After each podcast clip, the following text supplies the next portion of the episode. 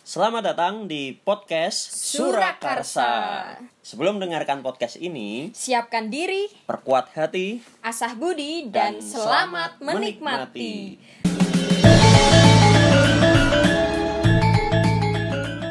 Iya, berhubung ini adalah hari Sabtu, jadi kita akan bahas tentang mitos nih. Oh. Dan kali ini kita akan bahas mitos seputar candi. kenapa candi? Ya, karena di Pulau Jawa ini kan ada banyak candi nih Hmm. dan nggak terkecuali di Jogja juga ada banyak. Bahkan ada lebih dari 20 candi yang tersebar di DIY kayak gitu. Hmm, Oke, nyambung ke yang podcast kita sebelumnya kemarin yang masalah bawa pasangan ke candi nih. Mm-mm. Ah, itu sebenarnya mitos atau fakta. Katanya kamu punya beberapa kasus nih Oh, iya. sebagai bukti. Mm-mm. Jadi eh, saya punya beberapa kasus nih, tidak terkecuali kasusnya pribadi ya. Jadi Iya. kalau teman-teman ke candi itu ada yang bilang bahwa eh, teman-teman akan putus kalau bawa pasangan. Gitu. Iya benar. Kasihan banget ya sebenarnya. Mm-mm. Artinya kalau Kasian sama candinya juga ya. kasihan sandinya juga selalu kena disalahin gara-gara aku kalian putus gitu Iya. ya nggak gitu juga kali tapi pada kenyataannya memang ada beberapa orang yang ya setelah dari candi kemudian putus tapi apakah putusnya gara-gara candinya Nah, Nah, itu teman-teman tentu sudah bisa berpikir sendiri ya. Masa candi bisa bikin putus sih? Iya. Gitu. Karena pada kenyataannya eh, ketika saya kuliah dulu, karena saya kuliah di arkeologi nih, itu ada beberapa dosen eh, saya dulu di arkeologi yang mereka itu justru jadi suami istri. Terus ada yang dapat pacar juga meskipun akhirnya tidak jadi suami istri ya, tapi dapat pacar itu di candi juga Iya. gitu karena kan kalau di arkeologi mereka sering penggalian tuh kemudian kalau misalnya ada dosennya dapat proyek atau ada penelitian gitu yang mengharuskan ke candi eh jadilah mereka di sana Oh, gitu. jadi di candi malah PDKT-nya ya. Hmm, malah Oh, PDKT-nya di sana gitu dan kalau teman-teman ke candi nih. Kan mesti teman-teman atau yang belum pernah ke candi ya eh, dikasih tahu aja nih. Kalau ke candi mesti banyak pasangan yang datang ke sana. Iya. apa tujuannya untuk putus ya? Oh mungkin ya kalau udah bosan ya udahlah yuk kita ke candi. ya jahat sekali gitu. Kemudian candinya Iya. jadi mencandi hitamkan gitu Padahal malah di Jogja juga ada candi yang itu lambang cinta ya, ya nggak sih candi Hmm. Plausan. Nah, sebenarnya itu bukan di Jogja sih Pelausan itu Pelausan iya. kan masuknya Klaten dan masuk oh Jawa Tengah iya. Mm-mm. Mm-mm-mm. seperti itu itu kan sebenarnya awalnya karena ini kan mitosnya Bandung Bondowoso itu kan Iya. sama Roro Jonggrang itu juga lucu sebenarnya mitosnya Hmm. karena kan kita ada dua candi nih Mm-mm. ada candi Prambanan kemudian ada candi Sewu Mm-mm. Nah, yang Roro Jonggrang itu itu ada di Candi Prambanan sama di Candi Sewu juga mitosnya. Oh. Padahal Candi Prambanan itu eh, Hindu Mm-mm. coraknya, Candi Sewu itu yang Buddha. di sebelah utaranya Prambanan itu Buddha coraknya. Tapi mitosnya sama gitu. Ya namanya mitos ya, bisa Iya. ditaruh di mana aja sebenarnya. Jadi sebenarnya ada mitos-mitos kalau ke candi putus itu awalnya karena itu ya cintanya Bandung Bondowoso Hmm. tertolak ya. Mm-mm. Tapi kan cerita Bandung Bondowoso sendiri itu kan sebenarnya cerita legenda kan ya. Itu diilhami dari tokoh-tokoh nyata, tapi ceritanya bukan yang terus Roro Jonggrangnya dikutuk seperti itu. Kalau di legenda memang Roro Jonggrang dikutuk, tapi kan yang dipatung itu bukan berarti terus Mm, Patungnya si Roro patungnya Jonggrang. Roro Jonggrang gitu. Nah, seperti itu. Iya. Tapi ngomongin candi nih, Hmm. dulu tuh aku waktu kecil sering banget denger kalau misalnya kita bisa megang arca yang ada di candi Borobudur, permintaannya bakal terkabul. Nah itu cuman masalahnya nih dulu waktu masih kecil ke sana tangannya emang nggak nyampe. Nah itu tuh gimana sih sebenarnya? Enggak, itu mitos saja. Nah, Oh, ini oke. karena kami berdua sama-sama di pariwisata nih. Jadi saya dari arkeologi, Terus ke pariwisata. terus ke pariwisata gitu.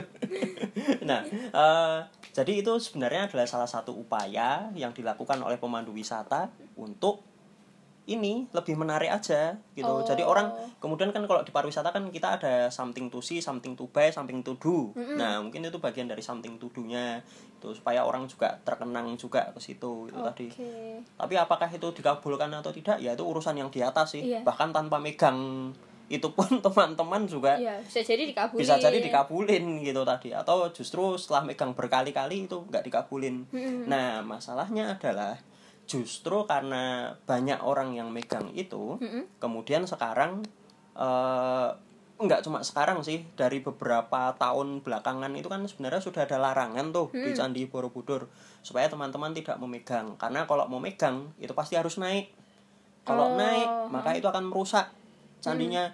Pertanyaannya mungkin eh emang rusak ya? Gitu. Hmm. aku naik aku nggak berat. Eh ya itu kamu. Kalau cuma satu orang. Iya. lah ini berorang orang banyak orang yang naik Yang pengen bisa- nyoba ya, yang pengen banyak. nyoba itu yang kemudian ih bener nggak sih pengen membuktikan seandainya nggak terbukti ya kan semacam ada apa ya kesenangan aja gitu Tapi kadang-kadang aku sugesti juga nggak Ah, sih? betul sekali Nah. itu seperti itu Dan makanya waktu itu juga sempat katanya Candi Borobudur turun ya.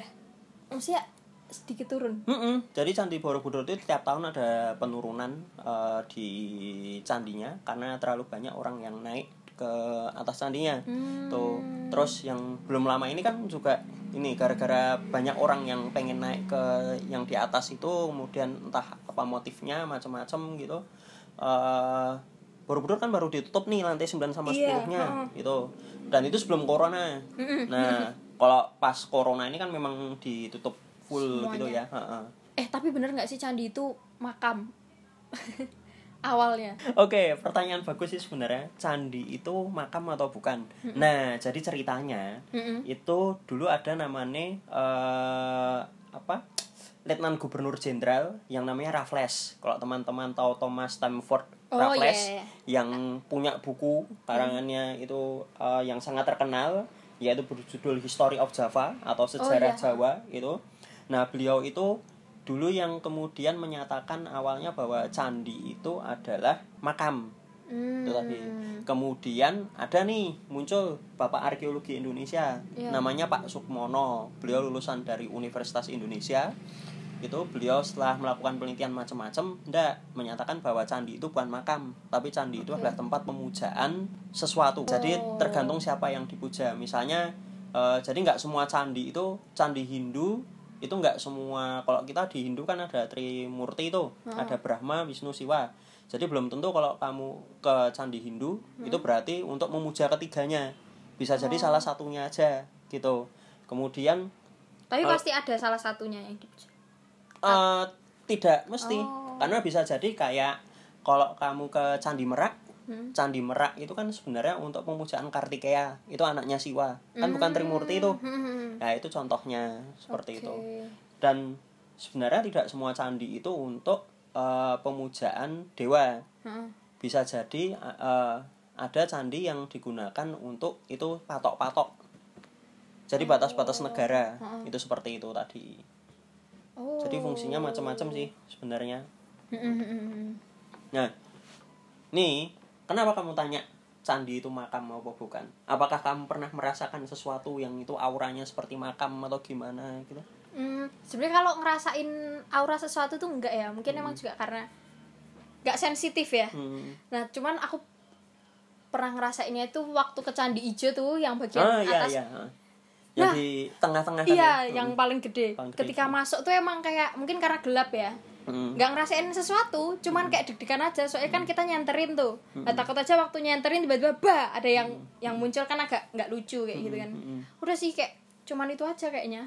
Tapi kalau kita lihat di DIY sendiri. Nama candi itu cukup aneh-aneh sih kalau menurutku. Kayak ada candi ijo kayak gitu. Aku tuh masih bingung soalnya waktu ke candi ijo ya yang ijo ya cuman rumput-rumputnya. Dan rumput-rumput di mana-mana juga ijo ya. Tapi Ah. candinya itu gak ijo.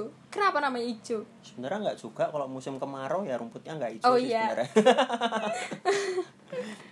Eh, itu uniknya sih. Sebenarnya penamaan candi kalau kita bicara konteksnya yang ada di Indonesia itu ada tiga yang pertama itu adalah berdasarkan kayak yang candi ijo tadi. Candi ijo itu karena letaknya di desa ijo. Oh. Itu tadi. Kemudian contohnya candi yang ditemukan di UII yang di Jalan Kaliurang yang atas itu itu namanya candi Kimpulan karena letaknya di desa Kimpulan. Oke. Itu seperti itu. Terus ada candi Prambanan. Hmm, Berambanan Brambanan. Nah Iya. nama desanya kan sebenarnya nama desanya Pram- Brambanan itu tadi kalau kamu ke Klaten itu masih ada tuh stasiunnya stasiun Brambanan bukan Prambanan. Tapi kita bisa berhenti di stasiunnya nggak? Apa stasiunnya udah mati? Stasiunnya eh, udah mati cuma Oh. bisa dilewati aja. Tapi bisa kan apa eh, bisa datang ke situ. Masih ada iniannya bentukannya? Masih ada masih ada bentuknya di situ Oh. Prambanan. Nah terus itu yang pertama dari tempat di mana dia ditemukan. Heeh. nah yang kedua itu dari penamaan dari masyarakat oh. Misalnya ini a- a- ada namanya candi barong. Ya Candi- Bagong. bagong. Yo Ya, barong, barong. oke candi barong Ba- guys. Yes. Candi barong itu nah teman-teman kan tahu kan barong itu apa? Kamu tahu kan barong itu apa? Tahu. Kayak sisingaan gitu Ah, yang di Bali barongan gitu. Nah bayangannya kayak Barongsai. barongsai yes ah, kayak seperti itu. Karena di candi barong itu eh, ada beberapa sebenarnya nggak cuma candi barong sih hampir di semua candi terutama candi yang coraknya itu adalah candi Hindu itu mereka memiliki hiasan namanya hiasan kala. Nah kala itu bentuknya seperti barong. Itu tadi singo barong. Makanya ketika masyarakat kemudian melihat itu dan menyebut itu candi barong karena ada beberapa bentuk kala itu yang kemudian disebut barong. barong oleh masyarakat sekitar. Itu yang kedua. Heeh. nah yang ketiga itu berdasarkan pada prasastinya. Oh. Jadi ini misalnya ada candi kalasan. Itu kan ada namanya prasasti kalasa. Tapi itu bukan karena dia ada di daerah Kalasan? Nah, kampung Kalasan itu nggak tahu nih apakah eh, ada duluan Hmm. atau ada prasastinya dulu baru Makanya ada daerah Kalasan. Hmm, makanya kalau kita belajar sejarah repotnya agak agak repot di situ sih. Mana yang duluan itu yang oh lebih iya rumit. Kemudian yang contohnya tadi Prambanan. Heeh. Nah, Candi Prambanan itu eh, nama dari prasastinya itu adalah Candi Siwa Gerha. Siwa itu Siwa, Dewa Siwa, Gerha, G R H A itu artinya rumah. Rumah. Jadi rumah untuk Siwa. ah Itu seperti oke. itu. Itu jadi ada tiga itu tadi. Nah, plus penamaan itu contoh yang eh, paling baru nih itu ada di yang tadi Candi Kimpulan yang di UII. Hmm. Itu kan memang UII itu Universitas Islam Indonesia di Yogyakarta. Itu kan dulu pengen bangun perpustakaan. iya Kemudian pas ngeduk tanahnya malah ketemu ada Sandi Ya, candi yang akhirnya setelah dibugar itu ternyata ada candi di situ sehingga UII menyebut namanya sebagai pustaka sala. Hmm. Tapi kalau kita di kalangan eh, akademisi eh, arkeologi terutama itu nyebutnya kimpulan itu tadi. oh Tapi kalau nanti prasastinya misalnya nih ada candi kemudian ditemukan prasastinya. Nah, itu nanti bisa jadi namanya tambah lagi gitu tadi. Jadi bisa berdasarkan masyarakat sekitar atau masyarakat apa pun itu masyarakat umum nyebutnya apa yang kemudian disepakati bersama.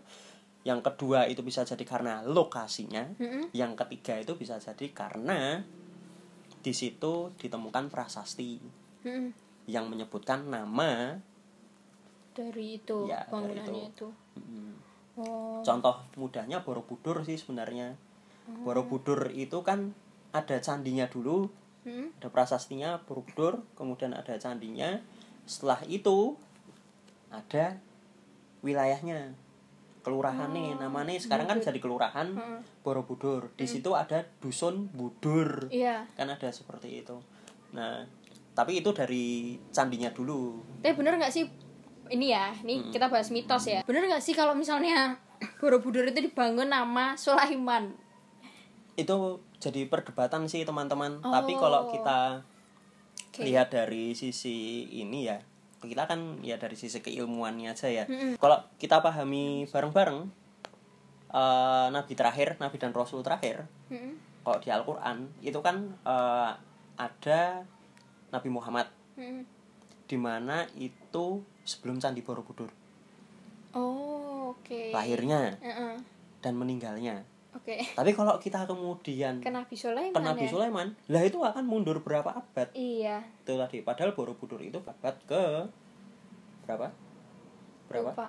Astagfirullahaladzim 8 sampai 9 oke. Antara itu antara Ha-ha. abad 8 sampai abad ke 9 artinya tahun 700-an sampai tahun 800-an pasti. Dari situ kalau kita logika kan? Logika aja ya itu ya enggak. Mm-mm.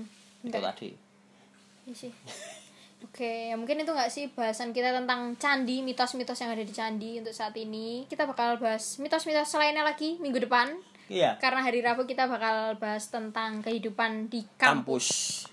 Itu aja teman-teman. Sehat jiwa. Sehat raga, selalu, Selalu dengarkan dengarkan podcast podcast Surakarsa. Bye-bye.